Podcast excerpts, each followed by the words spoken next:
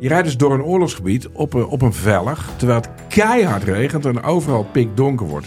Nee, we durven niet te stoppen. En je- eh, ja, eh, Joep is nooit bang. Joep Vermans, de kamerman, die was nu ook echt bang. Via podimo.nl slash gonzo luister je de eerste 30 dagen gratis naar Podimo. podimo.nl slash gonzo. Liegen over een mondkapjesdeal die je hebt gesloten met de overheid. Een deal waarmee je miljoenen hebt verdiend. Dat doet toch alleen Siewert van Liende? Nou, nee. Ik ben Felicia Alberding en in de Mondkapjesmiljonairs duik ik met een team van correspondenten in andere schandalen. Want wist je dat Siewert helemaal niet uniek is? Luister de Mondkapjesmiljonairs in je Podimo-app. Of ga naar podimo.nl slash mondkapjes. En probeer Podimo 30 dagen. podimo.nl slash mondkapjes. If we decide to do this thing, we can do it successfully. And there's also no doubt in my mind that the whole world hangs in the balance. With the tradition of using several pens, President Truman signs the bill that puts into effect the Marshall Plan. In de ochtendschemering stroomde Noordam de Rotterdamse haven binnen. Graafmachines worden van boord gehesen en op de kade neergezet. De Amerikaanse ambassadeur Baruch en enkele Nederlandse ministers begeven zich naar de Philadelphia-loods van de Holland-Amerika-lijn.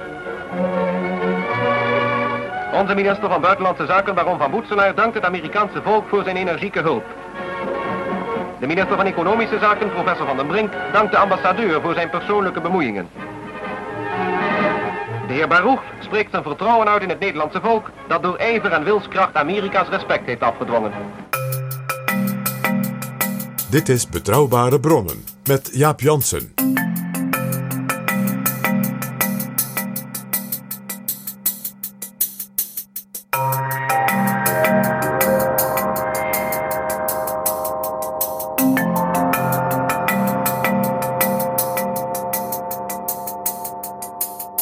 Welkom in Betrouwbare Bronnen, aflevering 273. En welkom ook PG. Dag Jaap. PG, aan het begin van deze aflevering hoorden we een stukje dat onmiskenbaar afkomstig was uit het Polygoonjournaal. Met ook die echte bioscoopmuziek van die tijd. Het was een bericht over het eerste schip met hulpgoederen van de Marshallhulp na de Tweede Wereldoorlog, dat in Nederland arriveerde. De Noorddam kwam uit Amerika met machines, met graan.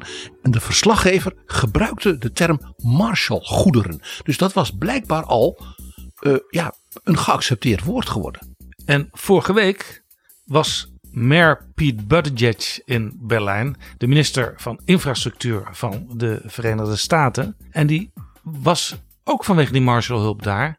Want er werd gevierd dat 75 jaar geleden, en dat is binnenkort de precieze datum, 5 juni 1947, in Amerika een speech werd gehouden door de minister van Buitenlandse Zaken George C. Marshall.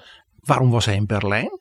Precies 50 jaar geleden heeft bondskanselier Willy Brandt geïnitieerd dat ze zeiden wij gaan als Duitsland iets terug doen, ook om de herinnering aan Marshall en zijn plan en wat het voor Duitsland heeft betekend levendig te houden. Dus er is een German Marshall Fund gestart dat als het ware teruggeeft ook voor de geschiedenis de inspiratie en dergelijke van Marshall en van dat plan. En dat is zelf dus een heel belangrijke denktank geworden voor bijvoorbeeld de opbouw na rampen en de ontwikkeling van arme landen. En er is natuurlijk een hele belangrijke reden om het juist nu over dat Marshallplan te gaan hebben. Niet dat het 75 jaar geleden is dat het, dat het voor het eerst ter sprake kwam. Maar eh, bovenal de, de oorlog in Oekraïne. Want we hadden het onlangs al in betrouwbare bronnen met Caspar Veldkamp van de Europese Bank voor Herstel en Ontwikkeling. Over hoe eh, zorg je nou dat zo'n land zo snel mogelijk weer op de been komt als die oorlog is afgelopen. Sterker nog, je moet nu tijdens die oorlog al de handen uit de mouwen steken. En het interessante is dat Pete Buttigieg zijn speech in Berlijn gebruikte om als het ware nog een stap verder te zetten in die gedachte. En daarmee werd dus het concept van Marshall ineens precies 25 jaar later brandactueel. Daar gaan we het in deze aflevering over hebben. Maar eerst PG, de nieuwe vrienden van de show. Dat is weer een hele reeks, Jaap. Ik ben hen en alle anderen natuurlijk weer heel erkentelijk.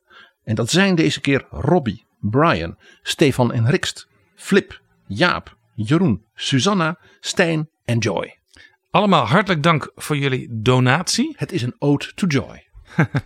En ehm, als jij nou denkt, ik heb dit al zo vaak gehoord dat mensen iets doneren en daardoor de eretitel vriend van de show krijgen. eh, Ja, doe het dan ook eens een keer. Ga naar vriendvandeshow.nl slash bb. Jaap, ik was gisteren op een receptie bij een lezing. En mijn buurman in de zaal zei: Nu ik jou zie, herinner ik me eraan. Ik had al lang vriend van de show moeten worden. En de betrokkenen heeft daar ter plekke zijn telefoon gepakt en is vriend van de show geworden. Prachtig, PG. Dit is Betrouwbare Bronnen. PG, op 5 juni is het dus 75 jaar geleden dat het Marshallplan voor het eerst ter sprake kwam. En dat was op een heel onverwachte en ook wat ongebruikelijke manier en moment. Generaal George C. Marshall, ik zeg bewust generaal, daar gaan we het ook over hebben natuurlijk, was op dat moment nog niet eens zo heel lang, enkele maanden, de minister van Buitenlandse Zaken van de Verenigde Staten op verzoek van president Harry Truman. Die wou een icoon en een grote krachtfiguur hebben, want die merkte, die koude oorlog, zoals we dat nu noemen, begon te komen en de president stond onder druk. Ook doordat hij de verkiezingen voor het congres in het najaar van 46 fors had verloren. Dus hij had een krachtfiguur nodig om zijn beleid vol te kunnen houden. En het college van bestuur van de Universiteit van Harvard had al besloten, dus voordat hij minister van Buitenlandse Zaken werd, om deze generaal, die dus met pensioen was, een eredoctoraat te geven. Dus hij ging naar Harvard toe eh, voor een, een speech bij dat eredoctoraat. Ja, voor een ceremonie, maar kwam daar dus als de nieuwe minister van Buitenlandse Zaken. En hij was dus niet de enige die een eredoctoraat kreeg. Er waren wel zes, zeven geleerden, een schrijver, nou je, je begrijpt. Dus men verwachtte van hem enkele vriendelijke woorden, hè, net als die anderen. En dat zou het dan geweest zijn. Dus eigenlijk niet zo heel bijzonder. Maar wat deed Marshall? Die greep de gelegenheid aan om een stevig verhaal neer te zetten. Hij begint ook, nadat hij die plichtmatige bedankjes heeft gedaan, met I need not tell you gentlemen. Er zaten alleen maar mannen daar in die zaal en in het comité. I need not to tell you gentlemen that the world situation is very serious. I need not tell you that the world situation is very serious. That must be apparent to all intelligent people. I think one difficulty is that the problem is one of such enormous complexity that the very mass of facts presented to the public by press and radio make it exceedingly difficult for the man in the street to reach a clear appraisement of the situation.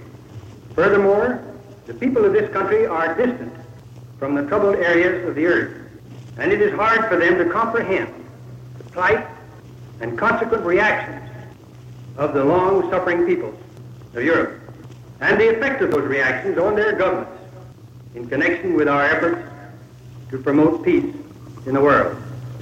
Dus hij gooide meteen de zaak op tafel en heeft dus in een niet eens zo heel lange speech een verhaal gehouden waarvan je maar één ding kunt concluderen, Jaap. Hij schreef daarmee wereldgeschiedenis. Het bestuur van Harvard was dus niet op de hoogte dat hij van plan was geraakt in de weken daarvoor om op die gelegenheid dat te doen. Sterker nog, ook de pers, de media waren niet zeg maar opgewarmd. Eigenlijk zijn eigen departement wist het ook niet heel erg.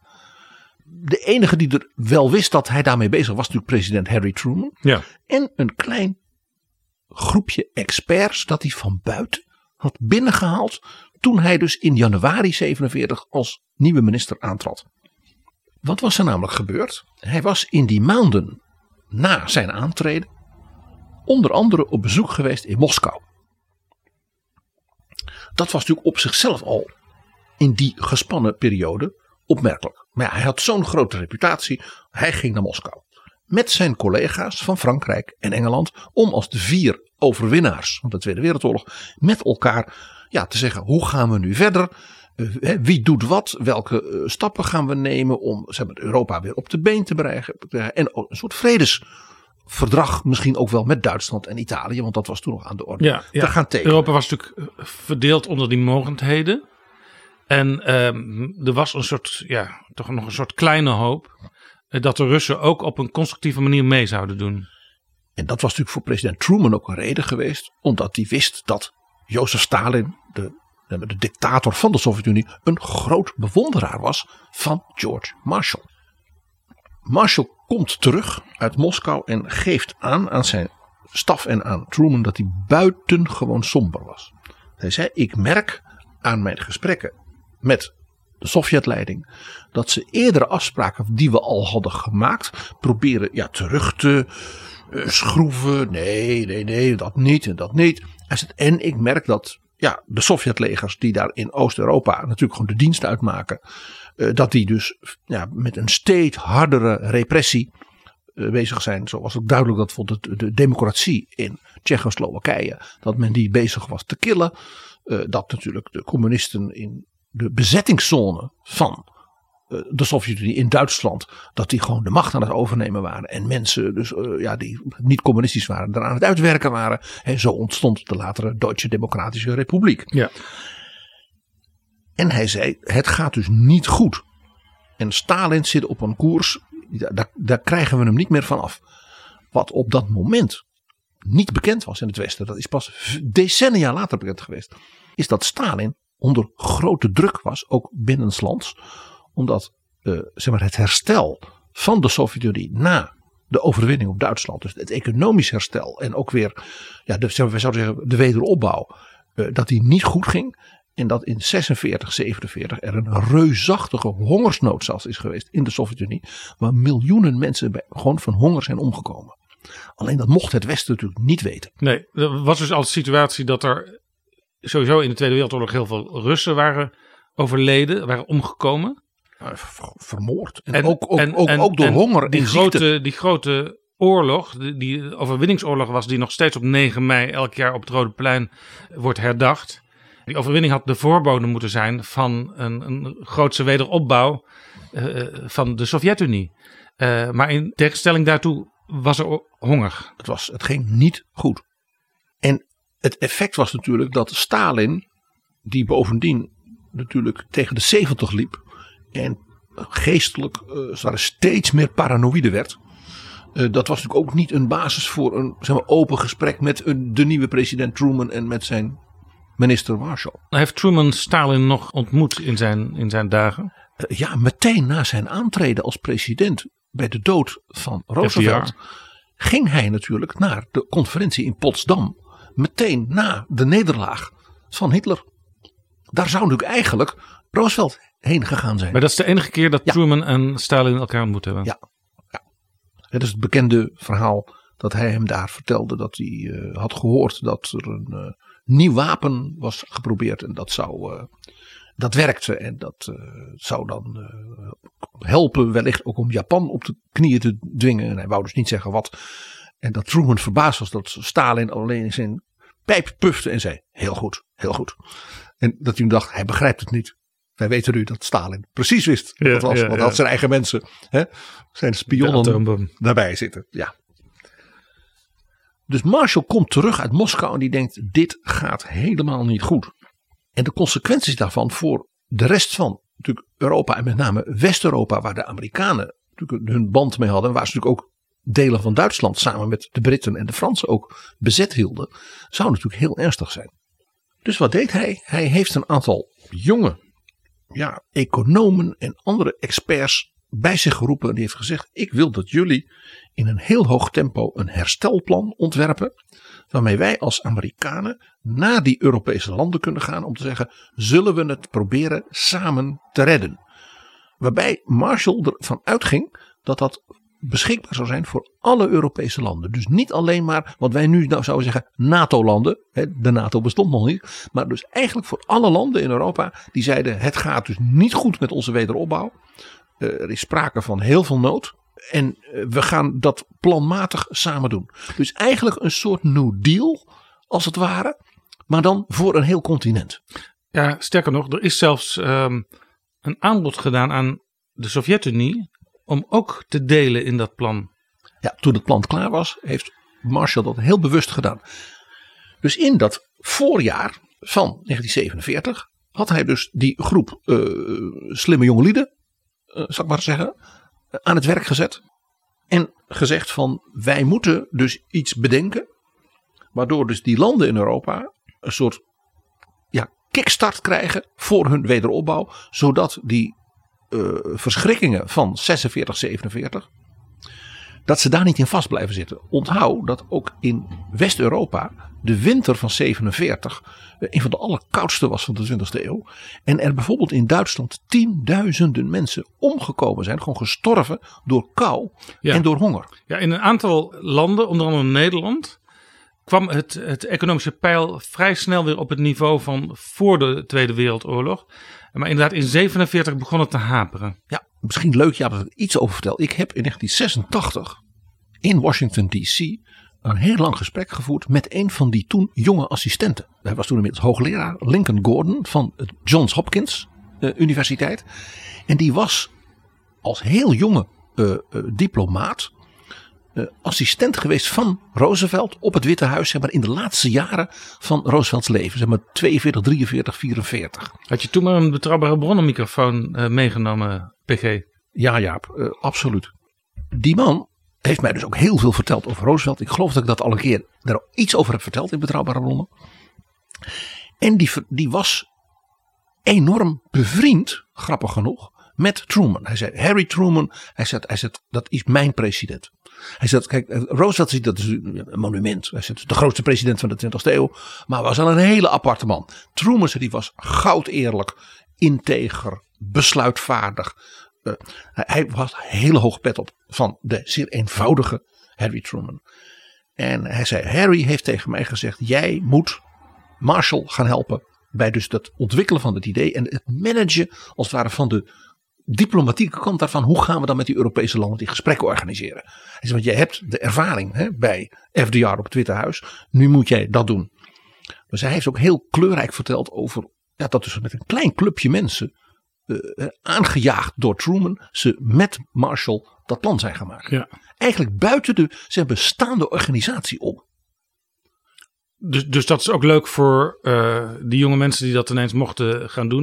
Die hadden eigenlijk geen enkele last van, van barrières die in tientallen jaren daarvoor al opgebouwd waren. Ze mochten gewoon eh, hun gang gaan. En ze Eh, hadden een minister. De minister die steunde hen in alles. En die minister, dat was niet zomaar iemand. Dat was ook nog, ook nog van belang. Die had bovendien heel duidelijk een volledig mandaat van de president. Dus ja, dat was natuurlijk een geweldige klus voor een jonge iemand. Hè. Daar kun je je iets bij voorstellen. Dus George Marshall gaat naar Boston, hè, naar Cambridge. En krijgt dat eredoctoraat. En houdt zijn speech. En men heeft dus pas de dag daarna op het State Department die tekst die hij bij zich had netjes uitgetikt tot een officiële speech van de minister. Waarbij dus ook de aanhef, hè, waarbij hij dus de bedankt en de studenten eh, begroet. Daar heeft men dus gewoon weggelaten. En, en pas toen werd dat stuk naar buiten Ja, gebracht. geeft ook een beetje aan, eh, eigenlijk eh, in de lijn met wat jij net zei over dat groepje jonge mensen dat aan de slag ging. Hij nam dus blijkbaar zijn, zijn eigen State Department nog niet zo heel serieus. Want hij ging gewoon zijn eigen gang, George Marshall. Marshall trad hierop. Eh, in zekere zin precies zoals Truman natuurlijk had bedoeld. Ik zet daar een superieure strateeg neer. Die gewoon zelf ja, zijn lijnen naar de toekomst uittrekt. En dat ook gewoon doet. Zo was Marshall ook bekend. Nou, wat zei Marshall in zijn speech? Die was kort. Dus die was zeer puntig. Hij zei: Kijk, hoe kunnen wij nou zo'n herstelplan voor Europa als Amerika van de grond trekken? Ja, eh, interessant in die speech is, hij beschrijft de situatie van Europa eh, een beetje zoals je nu eh, de steden ziet in Oekraïne. Een heel zwart beeld, alles is vernietigd, ingestort. Hele industrieën die groot waren, die, die zijn Kapot. toegetakeld en niet meer bruikbaar Havens, manier. havens zijn kapot, spoorwegen, bruggen. Hij beschreef voor de Amerikanen, die natuurlijk niet, misschien zoals nu, allemaal voortdurend reisden over de hele wereld, een buitengewoon hard realistisch beeld van een continent dat in feite niet uit de startblokken kwam. Door al die verwoestingen. Ja, en eh, dat Europa dat heeft al zo lang moeten leiden, zei hij ook nog. En hij zei vijf punten, Jaap. Heel to the point. Want dat was ook kenmerkend voor Marshall. Eén. Hij zegt, als dus Europa een herstelplan moet hebben, moet dat een Europees plan zijn. Niet een Amerikaans plan. Alleen, wij zeggen tegen de Europeanen, maak er nou goede plannen. Die gaan we samen proberen te maken. En wij vertrouwen de Europeanen dat ze dat kunnen. Dus wij zullen het financieren. Dat is heel interessant. Er werd dus bewust afgezien van het opleggen van de Amerikaanse wil aan de Europeanen. Althans, dat gebeurde in zekere zin natuurlijk wel. Het was een offer you, can't refuse, zou je kunnen zeggen. Maar het idee mocht niet zijn, dat is misschien een les die ze geleerd hebben van bijvoorbeeld het einde van de Eerste Wereldoorlog. Mocht niet zo zijn dat Eu- Europa maar moest ja en amen zeggen en de Amerikanen zouden het wel regelen. En met de bedelknap in de hand dankbaar moest zijn. Dat heel, dat is een heel belangrijk element. Tweede punt. Alle landen Europa zouden kunnen meedoen. Dus ook Roemenië, ook Tsjechoslowakije, ook Polen. Hoogst opmerkelijk. Finland. Dus niet alleen Nederland, niet alleen Italië. eh, ja, alle landen waarvan hij zei waar dus grote nood heerst. Het gaat om allereerst de nood van Europa en van de mensen in Europa helpen. En dan de structuren van die economie en die samenleving als het ware een impuls geven zodat men weer verder komt. Derde punt. We zijn Amerikanen, dus we zijn ook zakelijk. Het is geen open einde financiering. Jullie maken plannen, daar gaan we goed naar kijken samen. Dan zeggen wij, daar is zoveel geld voor beschikbaar voor zoveel jaar. Hij zegt, eind 1951 moet het klaar zijn. Dat focuste ook dus die Europese landen, dat ze niet ja, zeiden van, nou ja, we gaan een beetje een soort eh, subsidie krijgen. Nee, het is geen subsidie. Het bestond uit schenkingen en leningen. Maar uiteindelijk was het deel schenkingen toch wel 85%. Ja. Vanwege de noodhulpkant. Vierde punt. We beginnen met de directe fysieke ellende. De honger, de, het feit dat er geen medicijnen zijn voor zieken. Het, hij zet die Europese landen die liggen op hun gat, om het even al hard te zeggen. Zelfs ook gewoon fysiek. Dus we beginnen met gewoon de mensen als daar het gevoel te geven. Ik heb te eten, ik kan weer bouwen aan mijn toekomst. Ja, zelfs voor Nederland gold dat. Want die eerste boot, dat eerste schip eh, met hulpgoederen dat in, in, in de hoek van Holland eh, aan land kwam. Dat had ook eh, enorme hoeveelheden graan aan boord.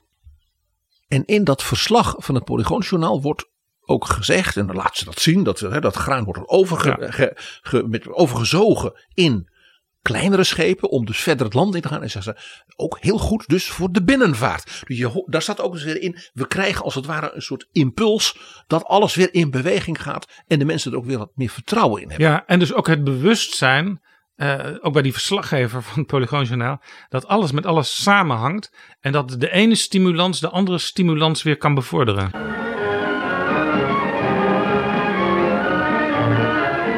En dit is voor onze broden. 4000 ton Amerikaanse tarwe worden overgestort in 50 kleinere schepen die voor verder transport zullen zorgen. Voor de binnenvaart dus ook een extraatje. Het eerste Marshallschip is binnen. Meer zullen spoedig volgen. Die noodhulp was niet alleen, zeg maar, strikt fysieke noodhulp. Dat was ook een mentale noodhulp. Was ook van, die landen moeten weer in beweging komen. De tweede, zei hij daarbij, als we dat hebben gedaan, meteen, onmiddellijk. Dan zal de focus volledig worden geconcentreerd op wat hij noemt rebuilding infrastructure. Nu hoor je natuurlijk Mayor Pete Buttigieg. Ja, ja. Hij zegt, het essentie voor Europa is dat dus de infrastructuur van de Europese samenleving en economieën niet alleen eh, zo weer een likje verf krijgen, die moet worden herbouwd. Dus niet alleen maar wederopbouw, nee, compleet nieuwe infrastructuren moeten we ook gaan durven. Dus het moest ook een toekomstgerichte Ja. analyse zijn. Ja, je, je ziet al voor je bij wijze van spreken eh, de opbouw van Rotterdam. Jaap, het aantal dingen wat er in Nederland daarmee gebeurd is, is soms heel verrassend. Dan het laatste, vijfde punt. En dat was zonder meer revolutionair. En het is niet ondenkbaar dat ze dat hadden van een bekende Europeaan die al eerder onder andere president Roosevelt en president Truman had geadviseerd. De Fransman Jean Monnet. Want wat zei Marshall als laatste punt? Als een land meedoet, een Europees land, dan moet dat land bereid zijn op gelijke basis, dus met gelijkberechtiging, met elkaar in Europa handel te drijven. Dus in feite zei hij, die wederopbouw gaat alleen werken als de Europese landen economisch en als handelsnaties met elkaar gaan samenwerken. Ja, dus eigenlijk pleitte hij daar al voor een vrijhandelszone Europa. Een soort interne markt. Die inderdaad pas na 1992 echt helemaal zijn vorm kreeg. En waar we nog steeds elke dag aan werken, omdat er nog steeds oneffenheidjes in dat systeem zitten. Maar de gedachte was dus, je hebt voor die wederopbouw een soort level playing field in Europa nodig. Waarmee dus die nieuwe hè, rebuilding infrastructure ook echt kan gaan werken. Dus niet meer de zeg maar, nationale afgeschotten economieën van voor 1940. En dat is natuurlijk een, een, punt, dat weten wij. Dat was iets wat Jean Monnet al in de jaren twintig na het verdrag van Versailles probeerde. Ja, het is interessant, want elke keer als ik in Amerika op ministeries ben eh, of met politici praat, zij zijn altijd 100% overtuigd van het nut en de noodzaak van Europese samenwerking. Dus uh, geen grotere voorstanders uh, van de Europese Unie dan mensen die bijvoorbeeld op het State Department uh, of op economische zaken in Amerika werken. Terwijl in, je zou wel eens kunnen denken van ja, Europa is een concurrent en dat is misschien lastig. Maar nee, zij willen juist dat Europa sterk en krachtig is. En dat heeft dus zijn wortels in, laat zeggen, de, die naoorlogse jaren geschiedenis. Het is ook heel interessant als je kijkt, ook weer de actualiteit nu. Nancy Pelosi heeft de Britse regering toen een delegatie van het huis op bezoek ging in Engeland de afgelopen weken een buitengewoon scherpe laatste waarschuwing gegeven. Die hebben gezegd: U moet goed beseffen dat als u het akkoord rondom Brexit, dat bedoeld is om de Ieren te beschermen. Als u dat schendt, hè, dat is dat uh, protocol, ja. dat er dan door mij als de speaker geen initiatief zal worden genomen om een vrijhandelsverdrag met het Verenigd Koninkrijk door het congres te loodsen. Ze dreigt dus ja. met van wij vinden dus die Europese samenwerking en de bescherming van die Europese samenwerking, in dit geval ook voor de Ieren, belangrijker dan de handelsrelatie met het Verenigd Koninkrijk. Ja, hier zie je eigenlijk een dubbele uh, liefde van, van de Amerikanen. Uh, in dit geval van Nancy Pelosi, de speaker van het Huis van Afgevaardigden. Uh, die enorme nadruk op het belang van Europese samenwerking. En eigenlijk tegen de Britten wordt met zoveel woorden gezegd: jullie hebben dat idee verraden, en jullie verraad gepleegd. Ernstige fout gemaakt en daar gaan jullie dan nou de prijs voor betalen. Als en moet. twee, ook de relatie van uh, veel Amerikanen met uh, hun eigen Ierse afkomst. De Ieren zijn natuurlijk zeker ook in de Democratische Partij van mevrouw Pelosi natuurlijk altijd een machtsfactor van belang. Ook hier weer, het is altijd ook weer binnenlandse politiek, internationale politiek. Dat blijkt maar weer. Het opmerkelijke is dus dat Marshall zei: Ik wil in feite een Europees plan, dus een plan van Europeanen, dat zo in elkaar zit dat wij Amerikanen kunnen zeggen: Maar dat zien wij zitten. En daar gaan we er samen wat van maken. Ik lees even voor wat hij daarover zei in Harvard. Ja. ja. It would be neither fitting nor efficacious for this government, dus de Amerikaanse regering, to undertake to draw up unilaterally a program designed to place Europe on its feet economically. The initiative, I think, must come from Europe. The role of this country should consist of friendly aid in the drafting of a European program and of later support of such a program so far as it may be practical for us to do so. The program should be a joint one, agreed to by a number, if not all, European nations. Dus hij zei: Ik wil eigenlijk een programma waarin alle Europese landen hun eigen aandeel hebben, maar ze ook met elkaar gezamenlijk dat programma steunen, zodat wij als Amerikanen zeggen: dan kunnen wij des te beter meedoen.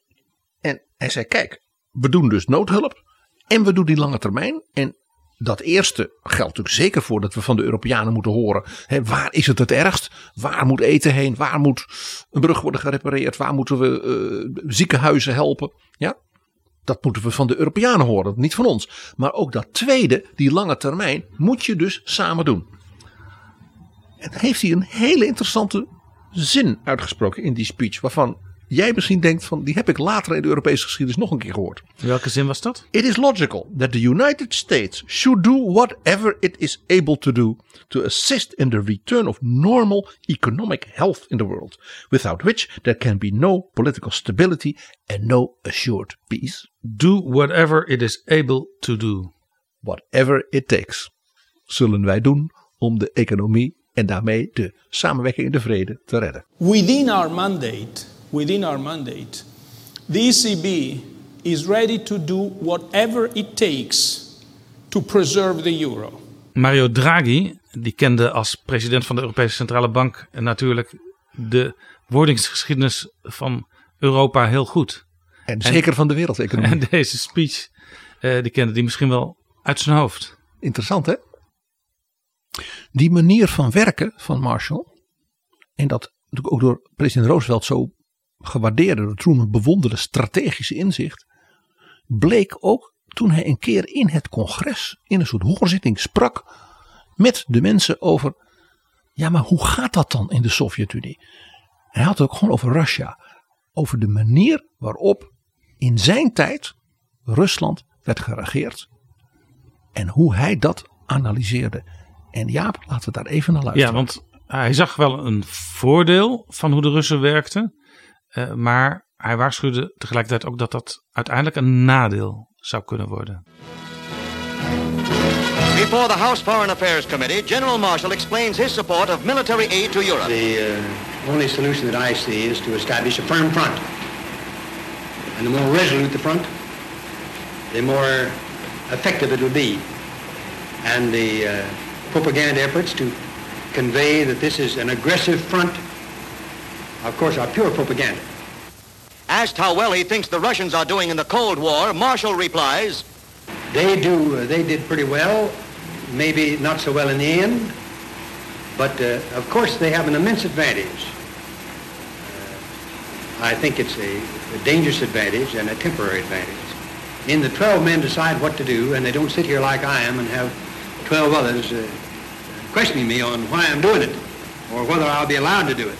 They go ahead and do it. I think in the end they destroy themselves. But doing that procedure as to propaganda, as to press, as to public reactions, everything is controlled. Well, that builds up a very powerful, uh, a very powerful line of action. But I think it generally destroys itself. Dat was Marshall in het congres. En het is of je een analyticus van nu een en Applebaum over Poetin hoort. Onwaarschijnlijk. Marissa hier van Vriend van de Show met een boodschap van algemeen nut. Deze podcast wordt met veel liefde, plezier en eigen geld gemaakt. Wil je de maker steunen? Ga naar vriendvandeshow.nl en word vriend.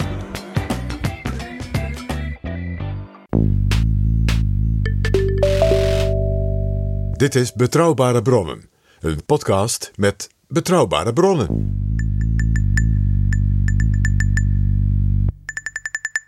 Wat gebeurt er? Na die speech ja, hadden ze dat team jonge lieden, hè, waaronder uh, Lincoln Gordon. En die zei, ja, uh, nou moet er gewoon geleverd worden. Er is in een tempo gewerkt.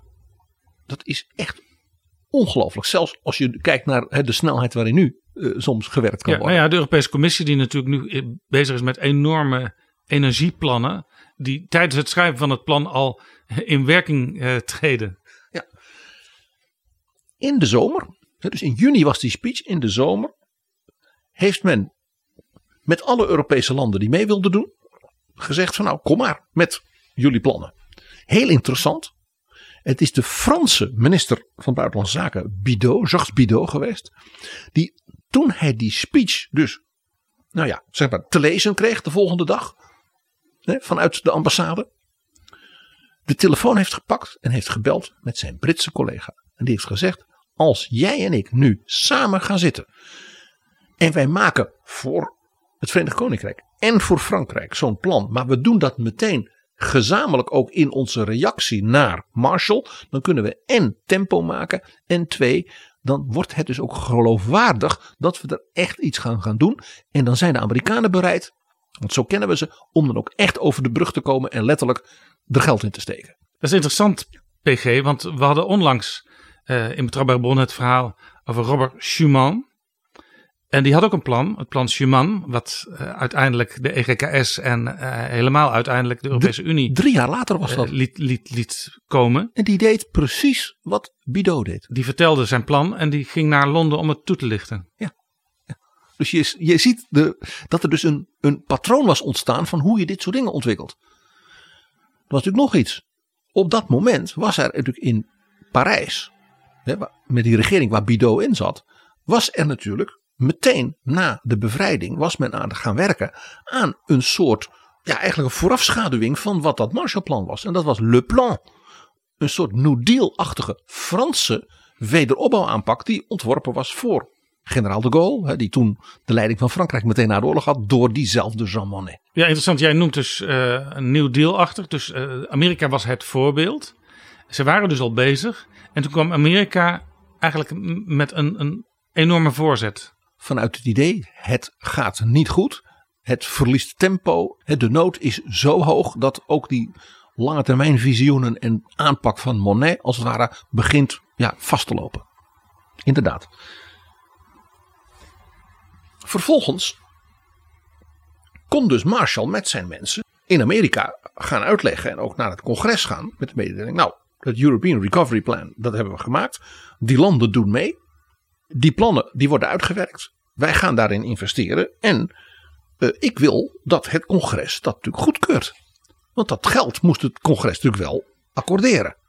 Dat ging om vele miljarden. Dat bedrag toen, uh, dat was uiteindelijk uh, 12,5 miljard dollar. Maar als je dat zou omrekenen naar, naar geld van, van, nu. Ik heb een berekening uit 2020. Dus ja, de, de euro en de dollar, dat is allemaal wat, wat anders op dit moment. Maar uh, in 2020 werd het omgerekend naar ongeveer 148 miljard dollar. Dus dat was een reusachtig investeringsprogramma. En natuurlijk een meerjarig investeringsprogramma voor die periode 47-51. Dus het was ook een heel geconcentreerde manier. Ja, nou, jij begrijpt, de, minister van Buitenlandse Zaken die meldt zich bij eh, de speaker met van, uh, ja, kan ik even 12 miljard dollar uitgeven ja. aan landen buiten over de grens? Ja, in, in een huis dat dus uh, nu eigenlijk voor een deel, groot deel bevolkt werd door de andere partijen. Ja, want de, de, de Republikeinen hadden de verkiezingen gewonnen. En daar was een hele flinke, nog altijd America First groep. Ja, er zaten dus best wel wat uh, afgevaardigden in. Die iets hadden van waarom zouden wij nog langer met de rest van de wereld bemoeien? Laten we eerst maar eens aan ons eigen land denken. We hebben die oorlog gewonnen. Wij zijn de enige met een atoombom. Niemand kan ons wat maken. En die buitenlanders die zoeken het maar uit. Exact. Ja, dat was natuurlijk niet helemaal de lijn van Marshall. Om het even zo te zeggen. Die debatten, hoorzittingen en dergelijke waren zo stevig en Marshall ging daar met zoveel gezag in dat al in april 1948 het uiteindelijke totaalplan kon worden getekend door president Truman. Het was dus zowel door het huis als de senaat er doorheen gesleept, mede dus door de power van Marshall. Ja, hier zie je dus ook een, een ja, misschien wel politiek trucje kun je het noemen, wat vaak wordt toegepast. Uh, je ziet het nu ook weer bij de samenstelling van de nieuwe Franse regering, waarin uh, nu ook een aantal mensen met een duidelijk links profiel worden neergezet. Uh, uh, terwijl Macron al een aantal stevige rechtse ministers had die die handhaaft. maar zo maak je dus het politieke landschap. ja, maak je eigenlijk rijp voor het omarmen van de ideeën. En dat deed de, de wat linksere president Truman ook met dat rechtse congres door een echte zware en zeer gerespecteerde militair daar neer te zetten op buitenlandse zaken. Truman deed in april 1948 nog iets. Hij moest natuurlijk in november 1948 nog maar zien of hij zijn eigen tweede termijn kreeg. Hij was natuurlijk president geworden doordat president Roosevelt drie maanden na de inauguratie was overleden. Nou, hij had de verkiezingen voor het congres al huishoog verloren. Uh, hij was niet populair. Uh, men vond natuurlijk dat, ja, de economie en, uh, en men was wel eens toe aan wat anders. Ja. En de Republikeinen beloofden belastingverlaging, je kent het allemaal wel. Dus wat deed Truman? Die, die dacht van, dat European Recovery Plan, dat moet boven de partijen blijven. En tegelijkertijd moet ik het wel uiteindelijk naar mijzelf toe, politiek, kunnen ja, trekken. Dus het is Truman geweest die zei: dat European Recovery Plan, dat moet natuurlijk het Marshallplan heten. Niet het Truman Plan. Het is het werk van deze grote Amerikaan. Dit wandelend monument. Het is zijn plan en daar zijn wij trots op. En ik ben trots dat ik de president ben die Marshall op die manier Europa helpt redden. Was natuurlijk heel slim, want hij maakte daarmee een beetje onpolitiek. Iets nationaals. Ja, iets nationaals, maar wel van de Truman-regering. En er was natuurlijk nog iets. Hij wist natuurlijk donders goed hoe dat met die verkiezingen zou gaan. In die zomer en dat najaar. Dan kwam dus al die mooie dingen. Dat, die noodhulp, die investeringen kwamen aan in Italië, in Griekenland, in Duitsland, in Nederland, in Frankrijk. En al die kiezers.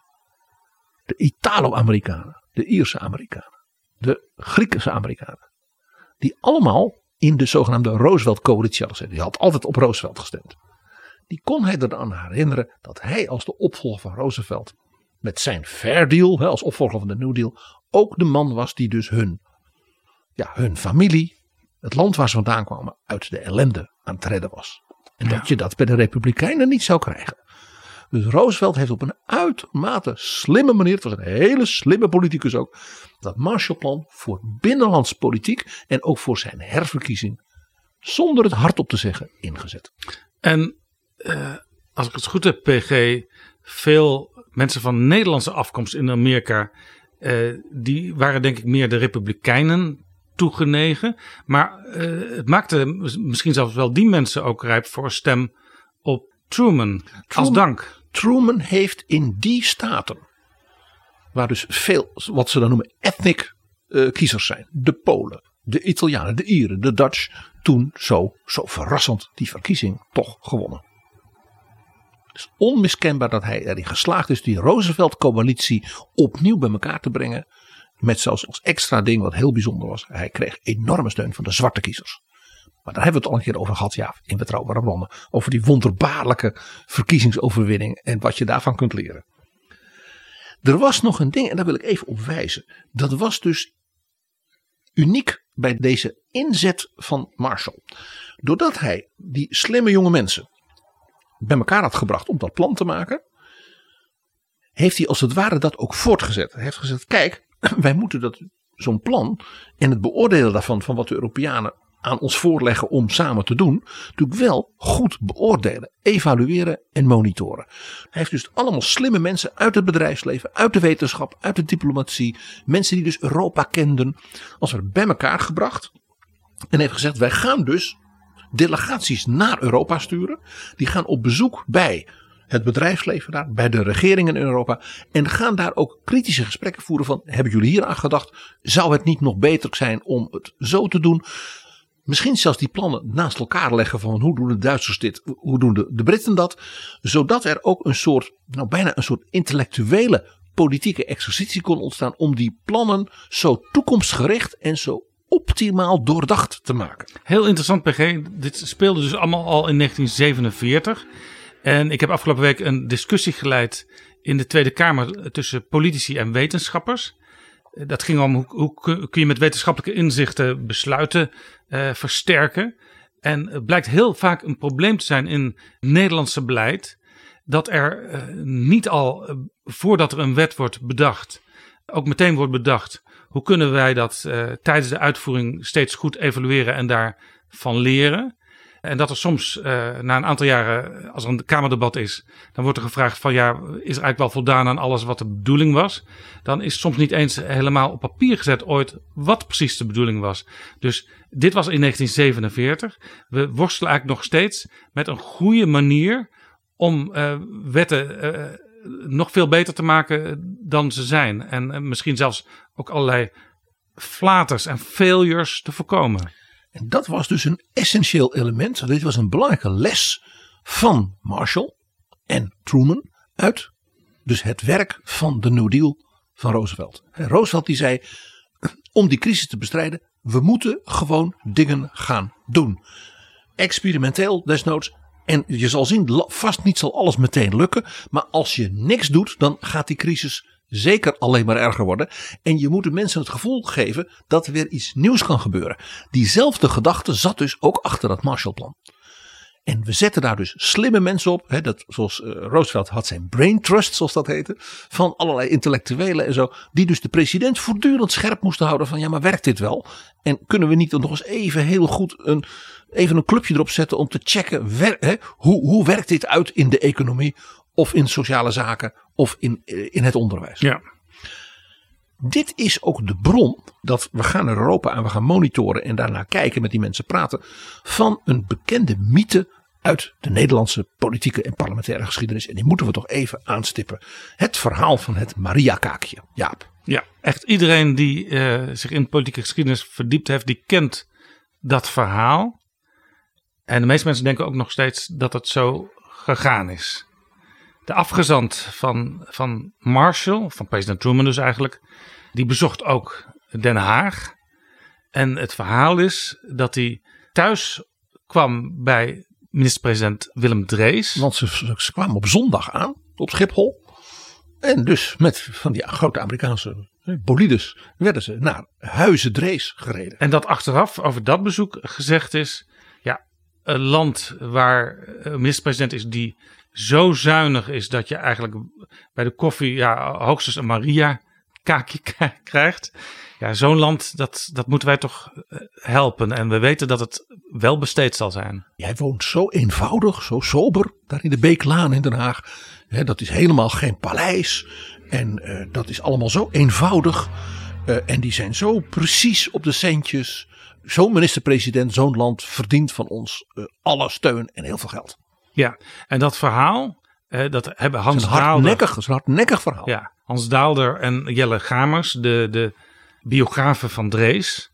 Eh, Daalder is er niet meer, maar Jelle Gamers eh, wel. En die heeft eh, vorig jaar ook nog een, een nieuwe versie van zijn biografie uitgebracht. Die hebben dit eigenlijk naar het Rijk der Fabelen kunnen verwijzen. Die hebben dit helemaal als legende kunnen onttoveren. Eh, want er is inderdaad een bezoek geweest van de mensen die zeg maar, het plan voor Marshall gingen uitwerken. Maar dat was twee jaar later. Ja, daar is ook een foto van, eh, waarin je ze aan de dinertafel ziet, ook met gerants die, die, die de soep in, inschenken en weet ik wat allemaal. En, en er was een sommelier bij en prachtige Het ziet er- wijnglazen. mooi uit. Het was helemaal niet, ik zou bijna zeggen sober en doelmatig zoals dat heet. Dat, zo zie je dus hoe, dit verhaal was natuurlijk ook een heel geloofwaardig verhaal. Het past ook bij de persoon Drees en hoe hij, ja, zeg maar de framing van de persoon Drees en van de naoorlogse soberheid. Dus iedereen bleef dit verhaal vertellen en geloven. Het is, zoals wat meer voorkomt in de politieke geschiedenis, een mythe. Overigens, die aanpak met evaluatie, monitoring, vergelijken, eh, ja, lessen trekken.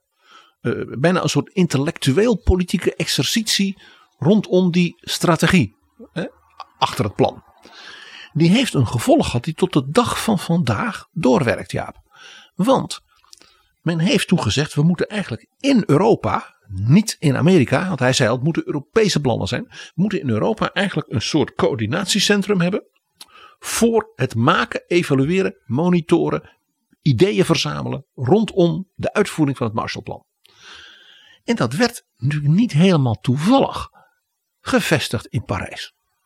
Want daar was natuurlijk Le Plan van Monet al in het werk Ja. gezet.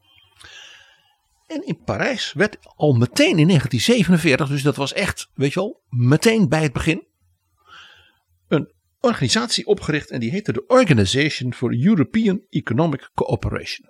Dus men zei vanaf het begin, dit moet worden georganiseerd in de vorm van Europese economische samenwerking. Dus niet alleen maar bilateraal Washington, Den Haag, Washington, Rome. Dit moet in Parijs een gezamenlijk project worden. Ja, er moet eigenlijk een stimulans in het systeem al zitten om samen te werken. Jij hoort hier natuurlijk gewoon de. de dit is waar natuurlijk Schuman hè, met Ja. zijn kolen en staal drie jaar later op ging voortbouwen. In 1961 was die club ja, toch min of meer klaar. Ik bedoel, dat geld van het Marshallplan was tot 1951. Nou, het heeft nog ietsje doorgelopen, 52 nog wat dingen. En ja, toen was die economie in Europa ook weer aan het herleven. Het was een succes geworden. Dus die club in Parijs die bleef nog ja, studies doen en dergelijke. Maar op een bepaald moment zei men, ja, dat Marshallplan dat is nu wel voorbij. En toen heeft men in 1961 gezegd, maar wat daar aan know-how en aan samenwerking en de manier van kijken naar economie en samenleving is opgebouwd, is zo waardevol. Dat kunnen we misschien wel nog verbreden dan alleen tot zeg maar, de Marshall-landen. En dat is toen geworden de OECD.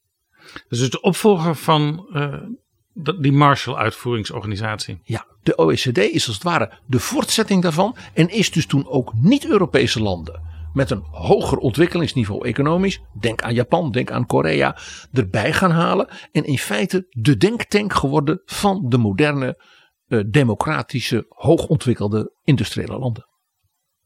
En dat is dus een heel bewuste keus geweest van Marshall en zijn mensen om het zo te organiseren. Dus dat was uitermate vernieuwend.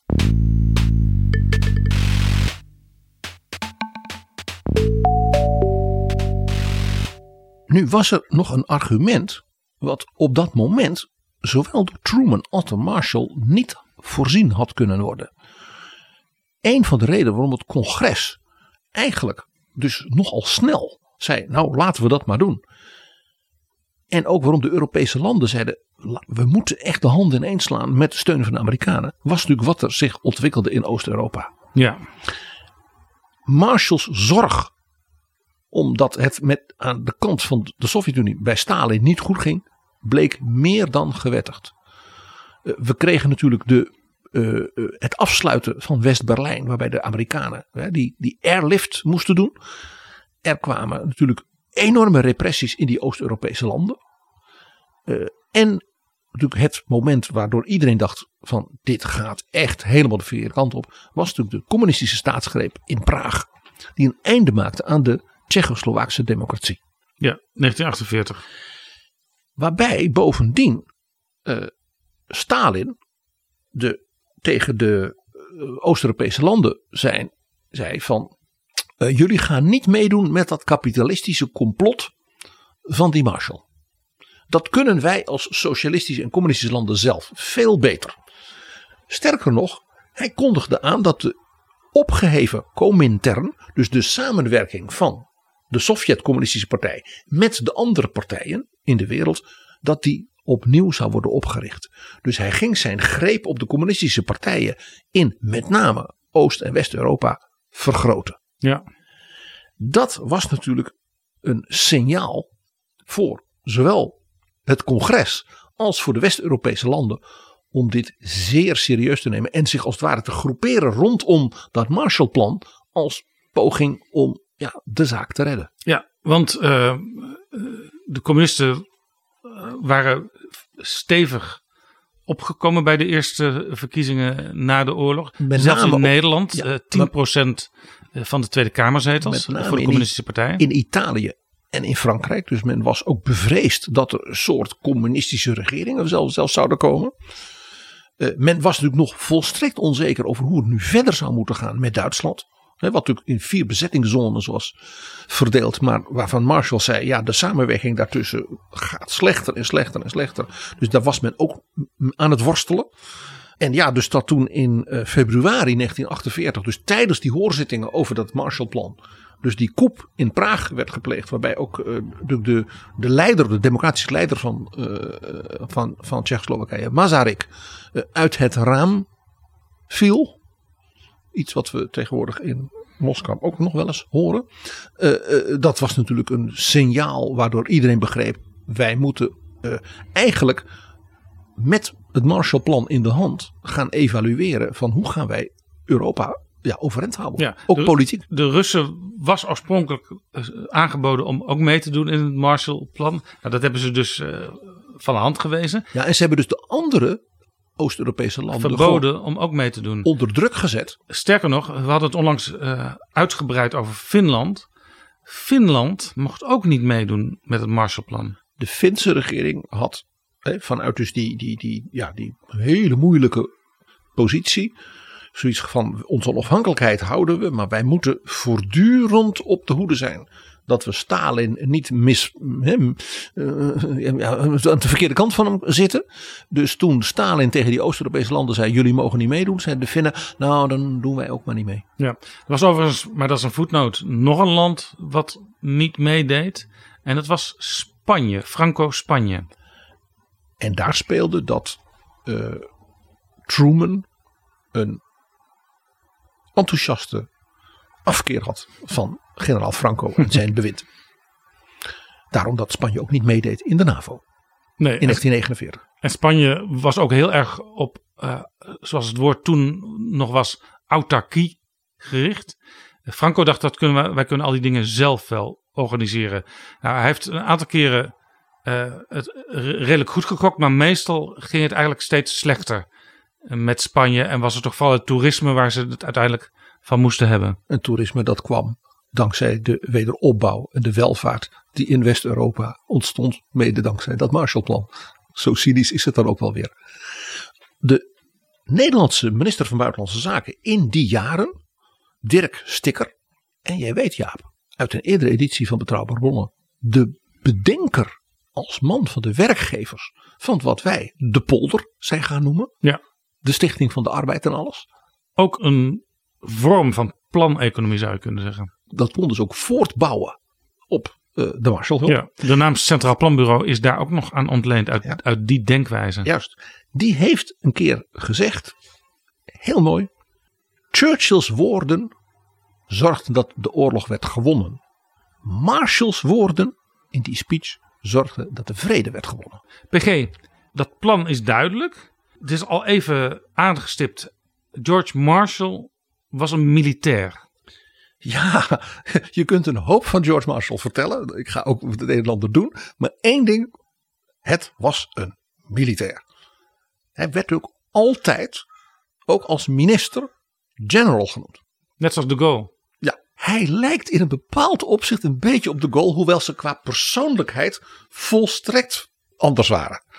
Wat hij ook met de Gaulle gemeen had, dat was een lange, reizige, indrukwekkende persoonlijkheid. He, als Marshall in een uniform stond, dan stond daar iemand. Net als de Gaulle. Hij is geboren in 1880. Was dus in 1947 al 67, wat zeker Hmm. in die tijd oud was. Ja. En hij werd als jong militair al heel snel heel beroemd. Hij was namelijk de chef-staf van generaal Pershing. En generaal Pershing was de opperbevelhebber van het Amerikaanse leger in Frankrijk in de Eerste Wereldoorlog. Daar zijn later de Pershing-raketten naar genoemd. Die naam Pershing is in Amerika een begrip. Dat is een begrip, die generaal. En die had de chef-staf en dat was George Marshall. En die ontwierp voor Pershing, aan de hand van diens ideeën, het hele zeg maar, schema van de offensieven van het Amerikaanse leger in Noord-Frankrijk. Dat dus het leger van keizer Wilhelm II hielp verslaan. Ja, in de Eerste Wereldoorlog. En de manier waarop Marshall dat deed, dat was meteen van, dat is lesstof voor elke militaire academie. Dat was zo briljant. Hij was dus strategisch zo knap. Dus hij kon dus en logistiek en organisatie en wapens en leveranciers. Hij zag het totaalplaatje. En kon dat dus ook waar ook helemaal dynamisch invullen. Dus meteen na de Eerste Wereldoorlog kreeg hij al een enorme promotie. Hij werd de chef van de Amerikaanse troepen in China. Want de Amerikanen hadden uh, vanwege de burgeroorlog die toen in China speelde. Om dus de Amerikaanse uh, ja, bezittingen daar Ja, zo, uh, belangen. te beschermen. Een heel grote militaire aanwezigheid. Mede ook om de democratie van de republiek van president Sun Yat-sen te beschermen tegen warlords en uh, andere uh, uh, ja, regionale Ja. heersers en Ja. de communisten En- en- die in opmars waren. Ook en vanuit het idee dat eh, democratie kan helpen bij handel.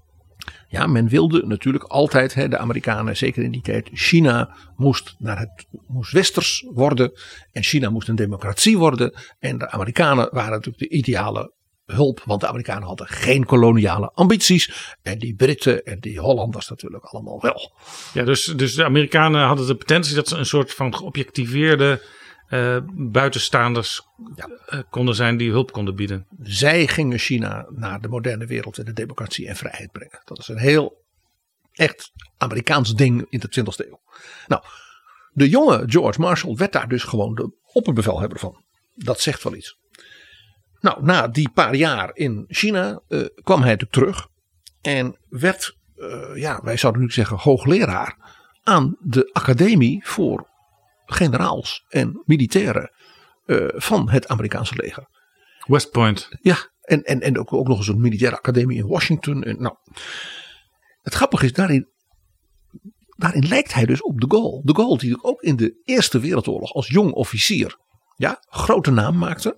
Daarna ja, hele prestigieuze benoemingen kreeg. Eerst bij het opbouwen van het leger in Polen als bondgenoot van Frankrijk. En daarna natuurlijk ook in Libanon. Waar hij een van de belangrijke mensen van het Franse leger was. Want Libanon was een Franse kolonie. Ja, Le Liban. Le Liban. Dus de Gaulle heeft jaren in Beirut gewoond. En kwam daarna als zeer jong uh, strateeg werd hij hoogleraar en Saint-Cyr, de militaire academie in Parijs. Dus in dat opzicht is er een vergelijkbare carrière.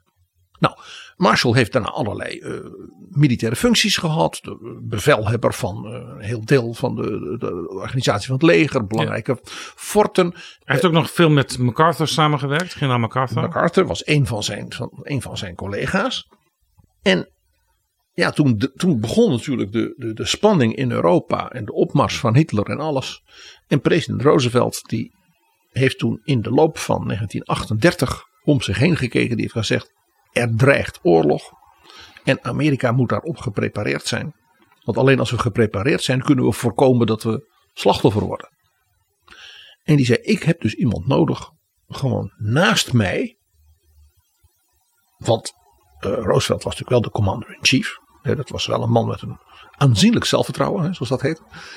Maar die zei: Ik heb iemand naast mij nodig die voor mij, als het ware, dat complete militaire ja, apparaat en proces en denken kan organiseren en managen. En toen heeft hij letterlijk op 1 september 1939, dus de dag dat de weermacht van Hitler Polen binnenviel, ja. heeft hij Marshall benoemd tot zijn allerhoogste adviseur en Chief of Staff van de US Army. Waar zit? Hij zit, hij zit, hij een kraai of zo, ja, hè? hij vliegt nu weg. Dus, uh, die benoeming, dat was Jaap, dit was weer FDR op zijn best, zal ik maar zeggen. Niemand wist daarvan. Hij heeft er niemand geraadpleegd. Hij had het gewoon zelf gedacht. Ik wil George Marshall. Hij heeft dus een hele serie generaals gepasseerd. Die veel hoger in rang waren dan Marshall. Dus het was ook nog, het werd als een affront beschouwd in zeg maar, militair uh, Washington. Maar daar trok hij zich niets van aan. Hij heeft gewoon gezegd, nou ja, uh, dan geef ik uh, George Marshall gewoon een hogere rang. Dus hij heeft hem buiten alle dingen om gewoon een hogere rang gegeven. Ja, dat, dat is echt het allerergste wat je kunt doen bij militairen. Zomaar dat hele rangensysteem doorbreken voor één persoon. Ja, en alleen een president, laat ik zeggen, van, van de power en ook het, ja, de besluitvaardigheid. En moet ik ook altijd weer zeggen, de visie van FDR, die durfde dat. Kon zich dat ook veroorloven. Vond hij vooral zelf ook hoor. Er zijn twee dingen. Ik zou hier uren over kunnen vertellen over deze twee mannen. Maar dat gaan we dus niet doen. Ik wil twee dingen aanstippen. Eén. FDR nam Marshall mee naar alle belangrijke summits en overleggen. Dus Marshall was mee als hij met Churchill overlegde. Marshall was mee in Teheran. Het overleg met Stalin. Marshall was mee in Casablanca. Marshall was mee in Jalta. FDR deed in dat opzicht niets zonder dat Marshall, zeg maar letterlijk en figuurlijk, naast hem zat. Hij was in, in feite de second man in the room. Ja. Hij liet Marshall die oorlog managen. Daar kwam het op neer. Hij was de stratege en organisator die het allemaal overzag. Waarbij de president natuurlijk uh, uh, zijn eigen politiek bepaalde en de strategie als commander-in-chief. Maar het uitvoeren, het organiseren en het ook kritisch daarnaar kijken, liet hij Marshall doen. Het tweede punt is, de twee waren geen vrienden. Het was een zeer afstandelijke, respectvolle eh, eh, verhouding. Marshall noemde FDR echt niet Franklin. Dus, Zoals zijn adviseurs en vrienden. Het was Mr. President en General. Dus de, de president heeft juist gezegd: ik, ik wil eh, de best en de brightest om mij heen hebben. En Marshall is er daar één van. En die zal mij nooit naar de mond praten. Die zal mij, als dat nodig is, tegenspreken. Die twee hebben zeer heftige dus debatten met elkaar gevoerd. Altijd keurig, keurig, afstandelijk. Ja? Waarbij Roosevelt zijn enorme charme en, en, en, en ja, uh, politieke uh, ervaring en power op Marshall uitprobeerde. En die gaf geen krimp. Ze hebben dus zeer heftig van mening verschild. Bijvoorbeeld over toen uh, ja, Japan ja, Pearl Harbor overviel en Hitler vervolgens dus Amerika de oorlog verklaarde. Wat gaan we nu doen? Marshall zei, we gaan Hitler verslaan. Ja, zei eh, Roosevelt, daar ben ik helemaal mee, mee eens. dus Roosevelt en hij waren het helemaal eens.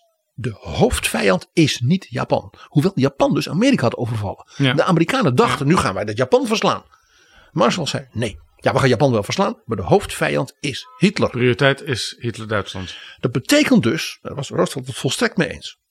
Hij zei dat betekent dus, zei Marshall, dat wij, uh, het is nu december 1941, uh, wij moeten een planning gaan maken en dat ga ik doen, want dat was zijn werk. Hè? Ik organiseer een zodanige militaire operatie, met alles erop en eraan, dat wij misschien al eind 42, begin 43 een landing gaan doen in Noord-Frankrijk en we rukken op naar Berlijn. Hm. Eén ding was duidelijk. Er was één iemand die daar niets voor voelde en dat was Churchill. De premier van Groot-Brittannië. Die zei dat wordt helemaal niks. Die had bovendien ook nog zo belangen als het empire. Marshall zei, ja daar heb ik niks mee te maken. Ik ben een generaal. Ik wil voor mijn president en mijn land deze oorlog winnen. En hoe winnen we de oorlog? Door die Hitler zo snel mogelijk in Berlijn in mootjes te hakken. Maar wat was dan het hoofdbezwaar van Churchill? Die zei dat gaat niet lukken. Daar hebben we niet genoeg uh, mankracht voor. Daarvoor zijn we helemaal nog niet geprepareerd. Dat is veel te snel. Churchill was ook iemand die veel wist van uh, militaire plannenmakerij. Hij had vond, ook veel ervaring. Dat vond hij vooral ook zelf. Dat debat tussen zeg maar, Marshall en de Britten en Churchill was dus enorm. En daar was natuurlijk één iemand die daar bemiddelde. Dat was natuurlijk Roosevelt. Die ging beslissen. En die heeft tot grote boosheid van Marshall uiteindelijk gezegd: we gaan dat niet doen. Als de Britten dat niet trekken, kunnen wij toch niet een Amerikaans leger in Engeland neerzetten, want dat zal dan moeten. En van daaruit Frankrijk binnenvallen. Als de Britten zeggen: ja, maar wij durven niet. Dus Roosevelt heeft toen zelf bedacht dat idee van we beginnen eerst eens met het Amerikaanse leger dat we in Noord-Afrika binnenvallen. En de hè, rommel uit Afrika jagen en dan gaan we dus Italië binnenvallen. Die strategie was de strategie van Roosevelt. En Marshall was daar gewoon tegen. Die heeft ook echt gewoon de president. En uiteindelijk, want zo was Marshall wel. Mr. President, u bent de commander-in-chief. Als u het zo wil, dan gaan we dat doen. Jij weet, dat was een gigantisch succes. Dus Marshall heeft ook later toegegeven dat hij zei: de president had hier, ja, toch, was een wijzer politiek strategisch denkende man dan wij als militairen. Dus een van de interessante dingen was dat dus die twee ja, giganten, FDR en Marshall, dus elkaar voortdurend scherp hielden. En dat was dus precies blijkbaar wat Roosevelt wilde. Dat ging zo ver, Jaap, dat op een bepaald moment uh, het natuurlijk duidelijk was dat dat succes van die invasie in Noord-Afrika, het verslaan van Rommel, het opmarcheren in Italië een feit was. En dus in Teheran FDR, Churchill en Stalin voor het eerst samenkwamen en zeiden: En hoe gaan we nu Hitler definitief verslaan? En Stalin zei: U heeft mij beloofd dat er een leger zou komen. En dat zou in Frankrijk binnenvallen en Hitler verslaan. En u bent nu bezig in de Italiaanse Apennijnen. en dat, dat, dat, dat, dacht u dat dat mij hielp? Bij Stalingrad en bij Koersk en dat, dat, dat, allemaal niks. Stalin zei: Ik geloof jullie eigenlijk niet meer. Stalin wist natuurlijk donders goed dat er in Amerika heel wat mensen, zoals Harry Truman, die zeiden: laten die Hitler en die Stalin elkaar helemaal doodbloeden. Ja. Dat is alleen maar goed Ja. voor ons. Stalin was natuurlijk zo paranoïde als maar kon. Dus Stalin zei: Ik eis een datum voor die invasie. De operatie Overlord. En ik eis nog iets. Ik eis een opperbevelhebber. Zolang die er niet is, die dus nou ja, mandaat heeft, gebeurt het niet. Als je niet een opperbevelhebber hebt die dat gaat managen, die dat gaat regelen, die dat doet. En iedereen begreep natuurlijk in Teheran toen Stalin dat zei wie hij bedoelde. George Marshall. Nou, Roosevelt heeft met veel eh, charme en woorden eh, gezegd: ik, die beslissingen ga ik nemen, maar u begrijpt. Marshall zat erbij. Die zat erbij. Jawel.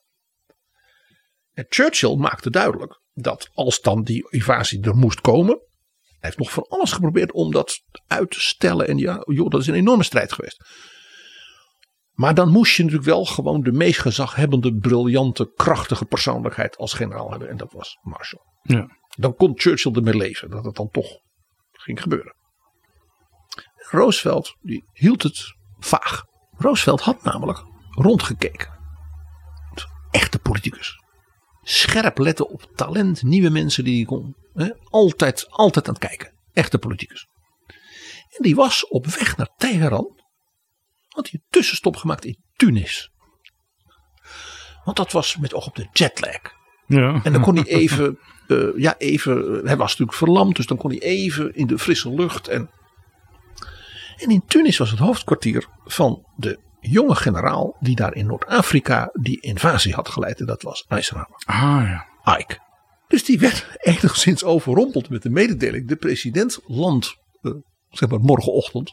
En die verwacht een dag of twee even eh, kunnen relaxen en even praten. En, dus die heeft een, ik denk nou ja, wat zullen we doen met die man? Dus die heeft gezegd, nou weet je wat, we organiseren een lunch in de ruïnes van Carthago. Want hij houdt van geschiedenis en opgravingen. Dan rijden we hem daarheen en het is mooi weer. Wat Eisenhower niet doorhad, was dat FDR gewoon hem is, wilde leren kennen. Die denkt, hoe, hoe pakt die man dat aan? Hoe zit hij in elkaar? Hoe denkt hij? Dus de president vliegt van Tunis na anderhalf dag, twee dagen naar Cairo, ontmoet daar eh, Churchill, vliegt van Cairo naar Teheran, ontmoet daar Stalin en zegt al die tijd niet dat hij iets besloten heeft en wie. Maar duidelijk was dat Stalin zei van als ik niet binnenkort iets hoor, dan trek ik mijn conclusie, namelijk jullie willen helemaal geen invasie. En dan ga ik natuurlijk als opperbevelhebber van het Sovjetleger ook zo mijn conclusies trekken. Ja. Dat zou dus heel vervelend kunnen worden. Roosevelt vliegt terug naar Cairo. En heeft zijn besluit genomen. En wat doet hij? Die zegt tegen zijn rechterhand, Harry Hopkins: Ga jij eens met Marshall praten. Die was ook mee teruggevlogen vanuit Teheran. En vraag hem eens hoe hij dat ziet. Die benoeming van die opperbevelhebber. Want Stalin wil toch nu duidelijkheid. De generaal die dacht, waarom moet ik daarover praten met Harry Hopkins? Dat is wel de alter ego van de president. Maar wij weten van Marshall zelf. Uit een boek waar hij aan heeft meegewerkt over Roosevelt. Vlak na de oorlog. Dat hij dacht van, dit, dit, dit, dit, dit klopt niet. Ik heb alleen maar gezegd tegen Hopkins. Dat ik volledig mij zal voegen naar welke beslissing de president ook neemt. En ik ga niet mijn opinie geven over die benoeming. De volgende dag riep de president mij bij zich in zijn villa in Cairo. En hij stelde mij een aantal vragen en toen zei ik: Meneer de president, ik ga niet aan u vertellen wat mijn capaciteiten zijn als generaal. Daar beslist u zelf over. Ik wil alleen onderstrepen dat welke beslissing u ook neemt, ik daar volledig achter zal staan. Als loyale civil servant. Ik ben de hoogste militair, maar u bent de commander-in-chief en de president. En ik ga niet een soort pitch voor mezelf tegen u doen na al die jaren hè, dat ik in feite naast u zit die oorlog te managen. Ja. En toen heeft Roosevelt tegen hem gezegd, en dat is een letterlijk citaat van Marshall: I feel I could not sleep at night with you out of the country. En toen zei hij, en daarom heb ik besloten Ike te benoemen. En Marshall was toen diep teleurgesteld, want hij had dit heel graag gedaan. Maar de loyale militair die hij was, die Mr. President, ik zal alles doen om Ike te steunen en van die invasie en van zijn werk daarvoor een groot succes te maken. Heeft hij ook gedaan. Het grappige is natuurlijk dat wij achteraf nu zeggen, Roosevelt heeft daarmee indirect natuurlijk zijn eigen opvolger aangewezen. Want na Truman, hè, die zijn vicepresident was bij zijn dood, kwam Eisenhower. Dit is Betrouwbare Bronnen. FDR overleed. Marshall ging in 1945 met pensioen. Maar president Truman, hè, dus vicepresident Truman daarvoor, senator Truman, was een groot bewonderaar van Marshall. Daarbij kwam, Truman was zelf jong officier geweest in de Eerste Wereldoorlog aan dat front. Ja, met die offensieven die Marshall had ontworpen. Dus die, ja, die bewonderde hem echt. Dus het eerste wat hij heeft gedaan is gezegd, u gaat terug naar China. Want daar dreigt een burgeroorlog en daar moet iemand van groot gezag gaan bemiddelen en te voorkomen dat China in de ellende wordt gestort en de democratie moet ook in China worden gered. Ja. Dus hij stuurde Marshall naar China. Dat heeft hij geprobeerd. Hij heeft nou, min of meer ja, geslaagd daarin. Toen hij weer terugkwam ging het natuurlijk toch weer fout. Nou, we weten wat er uiteindelijk met Mao gebeurde. Op 8, 8 januari 1947 zei Truman de wereldsituatie is zo zorgelijk. U moet minister van Buitenlandse Zaken worden. Ik heb ook met de verkiezingen verloren. Ik heb een zwaar gewicht nodig op die rol. En in zijn dagboek schreef Truman dit. Marshall is the greatest man of World War II. He managed to get along with Roosevelt, the Congress, Churchill, the Navy, and the Joint Chief of Staff. And he made a grand record in China. When I asked him to be my special envoy to China, he merely said, Yes, Mr. President, I'll go. No argument, only patriotic action. and if any man was entitled to balk and ask for arrest, he was. We will have a real State Department now. Dus Truman zei: Als je om kunt gaan als generaal met een man als Roosevelt, een man als Churchill, met de Navy, met al die andere generaals en je overleeft dat, dan kun je wat. Hij is later ook nog even minister van Defensie geweest. Ja, Truman kon niet zonder Marshall. Hij heeft hem dus een jaar of twee minister van Buitenlandse Zaken gehad, waarbij hij dus dat Marshallplan en ja, in feite de, de opbouw van de NAVO eh, organiseerde. En toen zei hij, Mr. President, ja, u mag, na zijn herverkiezing zei hij, u mag nu definitief met pensioen. Maar toen brak de Korea-oorlog uit. En wat deed Truman? Die zei, ik heb iemand nodig die in een zo gevaarlijke, ook militaire en strategische situatie, leiding kan geven. En heeft tegen, tegen Marshall gezegd, u komt terug in de regering, nu als minister van Defensie. En dus dat enorme succes van de tegenaanval, ja, van de Amerikanen met name, tegen de troepen van Kim Il-sung, bijna heel Zuid-Korea hadden veroverd, was ook weer dus het werk van de organisator en de militaire manager George Marshall. Ja, hij stierf in 1959, maar in 1953 kreeg hij voor zijn Marshallplan de Nobelprijs. Ja, hij heeft de Nobelprijs voor de Vrede gehad. Toen was dat Marshallplan als het ware in feite uitgewerkt hè, in 1951. Toen was hij ook geen minister van Defensie meer, begrijp je. En hij was dus weer uh, nou ja, generaal in rusten. En toen heeft het Nobelcomité gezegd dat Marshallplan is zo'n bijdrage geweest aan wederopbouw en de vreedzame samenwerking die in Europa tot stand is gebracht. Daarvoor verdient hij de prijs. PG, we hoorden al helemaal aan het begin van deze aflevering dat schip de Noorddam, dat als eerste schip Nederland bezocht met Marshallhulp goederen. Graan en machines. Nederland is een van de landen die behoorlijk stuk uit die koek heeft gekregen uit Amerika. Uh, opgeteld bijna 9% van de totale Marshallhulp financiering is, is naar Nederland gegaan. En daarmee zijn we eh, na het Verenigd Koninkrijk, Frankrijk en Duitsland. Duitsland is overigens het derde land. Zijn wij het vierde land als het om, om hulppercentage gaat. Nederland zat met 109 dollar per hoofd van de bevolking van dat moment helemaal in de top van de Marshallhulplanden. Overigens, een van de gedachten eh, bij het bepalen van welk land krijgt nu welk deel van die koek was waar hadden ze al eh, grote industrie voordat de oorlog uitbrak en ook welke landen zijn het snelst in staat om weer er bovenop te komen, want die kunnen dan de rest van Europa meetrekken.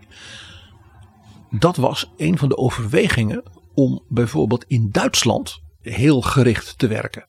Omdat men zei, ja, de Duitse industrie en de Duitse wetenschap, en ja, die was natuurlijk al in de 19e eeuw top. Ja? Dus als we nou snel investeren in verbetering, herstel van de Duitse technologie en de Duitse industrie, dan kan Duitsland ook weer die motor worden voor de Europese economie. Ja, en dat was ook vanuit Nederlands perspectief enorm belangrijk dat Duitsland snel weer een leidende rol economisch zou gaan spelen. Ja, wat wel een interessant element is, we hadden al even over die voorganger van de OECD in Parijs. Die heeft grote invloed gehad op Nederland. Die manier van werken en denken, weet je wel, met dat monitoren, evalueren, doordenken, vergelijken. Dus niet alleen maar geld uitgeven, maar ook planning, lange termijn. Ja, daar hebben we een aflevering ooit eh, gedeeltelijk aan gewijd. Toen we het hadden over het eigenlijk ontstaan van de polder in Nederland. Ja, een van de dingen die dus de Amerikanen zeiden, die je moet doen, is dat je de belangrijkste sociale actoren, de regering, de werkgevers, de werknemers, de boeren, ja, de wetenschap, dat je die bij elkaar brengt. En die moeten uh, eigenlijk uh, zo snel mogelijk van de nieuwste ontwikkelingen op het gebied van economische inzichten en technologie in Amerika kennis gaan opnemen. Men heeft toen dus opgericht de COP, de contactgroep opvoering productiviteit. Dus de Nederlandse economie moest moderner worden, productiever worden, ja. met name ook de landbouw. En die club die ging vervolgens dus de uitvoering van de Marshall hulpplannen in Nederland begeleiden. En ging heel interessant een hele reeks, meer dan 150 Nederlandse delegaties naar de Verenigde Staten laten gaan. Er zijn dus iets van 1200 Nederlandse nou ja, mensen uit de bonden, de werkgevers, de, de wetenschap, uh, hoge ambtenaren. Dus in Amerika kennis gaan ophalen, inspiratie gaan ophalen bij die mensen die ook voor Marshall dat plan hadden ontworpen. Dus ook naar Harvard en dergelijke. En mensen van de New Deal. Om op te snuiven. Hoe doe je dat? Hoe versnel je je, je economisch herstel? Dus dat polderend samenwerken en versnellen. Was een heel belangrijke onderligger van dat Marshallplan voor Nederland. En ja, de impact daarvan. Ja, die is natuurlijk tot de dag van vandaag. Natuurlijk zo aanwezig als maar kan. Bijvoorbeeld zien we dat terug in nou, er zijn een aantal dingen in Nederland, nu nog, waarvan je zeggen dat is misschien mensen zich niet helemaal bewust, maar is rechtstreeks verbonden met het Marshallplan. De Rotterdamse haven lag natuurlijk in puin. Ja. Maar die Rotterdamse haven was natuurlijk essentieel voor dat opnieuw boven Jan komen van de Duitse economie. Ja, zoals we het allemaal eh, hebben geleerd vroeger op school. Nederland als toegangspoort uh, naar Europa. En één specifiek ding werd bewust ontwikkeld daar in Rotterdam, wat er daarvoor niet was. En dat was de petrochemische industrie. Dus het hele botlekgebied, de nieuwe energiebron hè, van toen, olie, benzine en dergelijke. Dat dat geconcentreerd werd in die Rotterdamse haven is een aspect van het Marshallplan geweest. Overigens, die hele petrochemische industrie in Nederland is dus heel bewust als een nieuwe tak voor de industrialisatie van de Nederlandse economie door het Marshallplan aangemoedigd. Bijvoorbeeld dat DSM van staatsmijnen ook een chemieconcern werd. Ja, Wat je nu nog hebt. Maar nu met Gemmelot. Gemmelot. Gemmelot is een kind van het Marshallplan. Maar bijvoorbeeld ook die grote Dow Chemical in Terneuzen, dat is een van de ja. allergrootste ter wereld, is ook uit het Marshallplan. Evenals dus de grote chemische industrie rond Bergen op Zoom. Dus niet alleen wederopbouw, maar ook hele nieuwe economische takken. Wat bijvoorbeeld ook interessant is, dat men heeft iets gedaan waar dus Nederland ja, gewoon het geld na de oorlog niet voor had. Terwijl dat heel erg nodig was voor de versnelling van de infrastructuur en de mobiliteit. Het Marshallplan is de belangrijke financier geweest van de elektrificatie van de Nederlandse spoorwegen. Dus het afscheid van de stoomtrein komt ook voort uit het Marshallplan. En er was natuurlijk nog iets. Er was het grote plan van de droogleggingen van Cornelis Lely. Zijn afsluitdijk, Wieringermeer. En in de oorlogsjaren, nog onder de Duitsers, werd de Noordoostpolder drooggelegd. Maar daarna lag het stil. Want Nederland was gewoon te arm. En ja, de infrastructuur ja, moest worden herbouwd. Alle bruggen waren stuk. Men had dus geen geld meer. En ook eigenlijk misschien wel zelfs de energie niet meer. Om dat plan voor te zetten. Het is dus mede het Marshallplan geweest. Dat door die nadruk op planning, lange termijn focus. Heeft gezegd ja we gaan die polders van Lely wel aanleggen. Uiteindelijk heeft men de marker, de markerwaard heeft men nat gelaten. Maar Oostelijk Flevoland en dus de stad Almere is een direct product ook van het Marshallplan. En dan is er zelfs een op dit moment politiek omstreden element. In de portefeuille van mevrouw Kaag en staatssecretaris Mannix van Rij. Oh. Dat een direct gevolg is van het Marshallplan. Want kijk, die Amerikaanse geleerden, ondernemers, technologiemensen, organisatoren die dus naar Europa kwamen en ook in Nederland gingen helpen. Ja, meedenken, meeontwikkelen, managen. Ja, die kwamen dan in Nederland, in dat sobere Nederland van Drees. En moesten bij een salaris van, zeg maar, boven modaal iets van 95% belasting betalen. Daar hadden ze niet zoveel zin in. Dat waren ze in Amerika eh, beter gewend, zullen we maar zeggen. Dus toen is speciaal daarvoor bedacht een zogenaamde expat-regeling in de fiscus.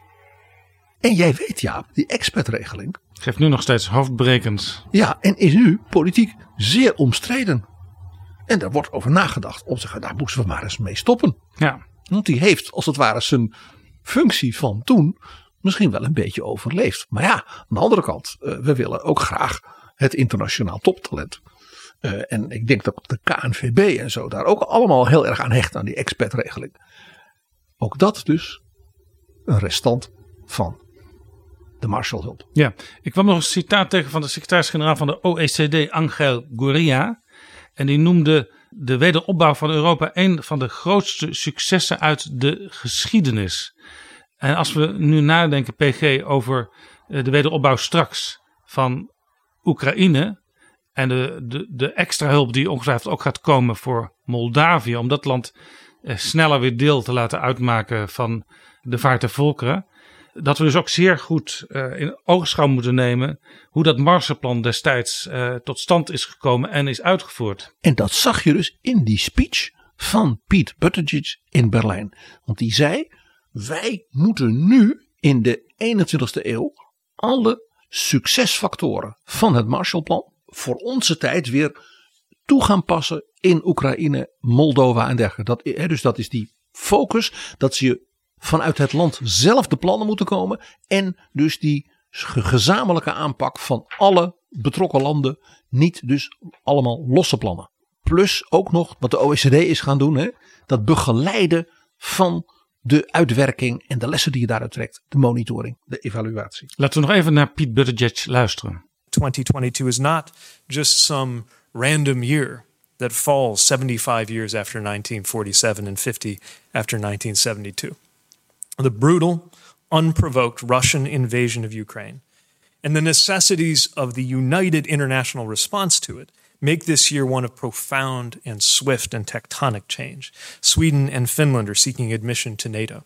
Germany, already such a leader in diplomatic and economic terms, is taking major new steps in security and energy policy.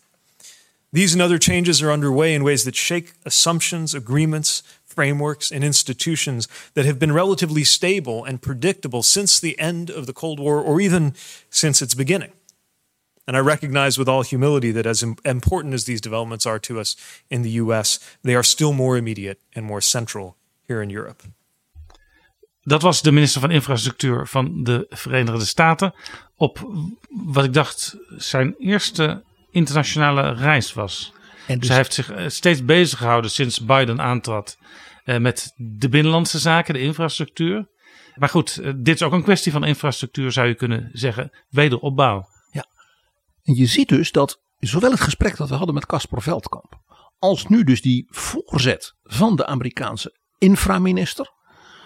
helemaal herkenbaar is qua denken en qua vooruitkijken. Focus op wat moet gebeuren zoals we dat hebben geleerd en gezien in het werk van George Marshall. En als je alles wil weten over die actuele situatie eh, rondom Oekraïne en de wederopbouw daarvan, eh, luister dan als je dat nog niet hebt gedaan naar recente aflevering 267 met Caspar Veldkamp van de Europese Bank van Wederopbouw en Ontwikkeling.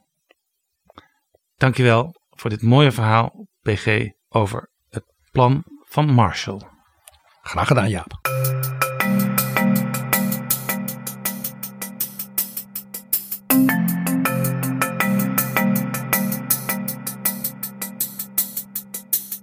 Zo, dit was Betrouwbare Bronnen, aflevering 273. Deze aflevering is mede mogelijk gemaakt door de vrienden van de show, luisteraars die met een donatie nog veel meer afleveringen mogelijk maken. Dank jullie wel en wil jij ook vriend van de show worden? Ga dan naar vriendvandeshow.nl/slash bb. Tot volgende keer. Betrouwbare bronnen wordt gemaakt door Jaap Jansen in samenwerking met dag en nacht.nl.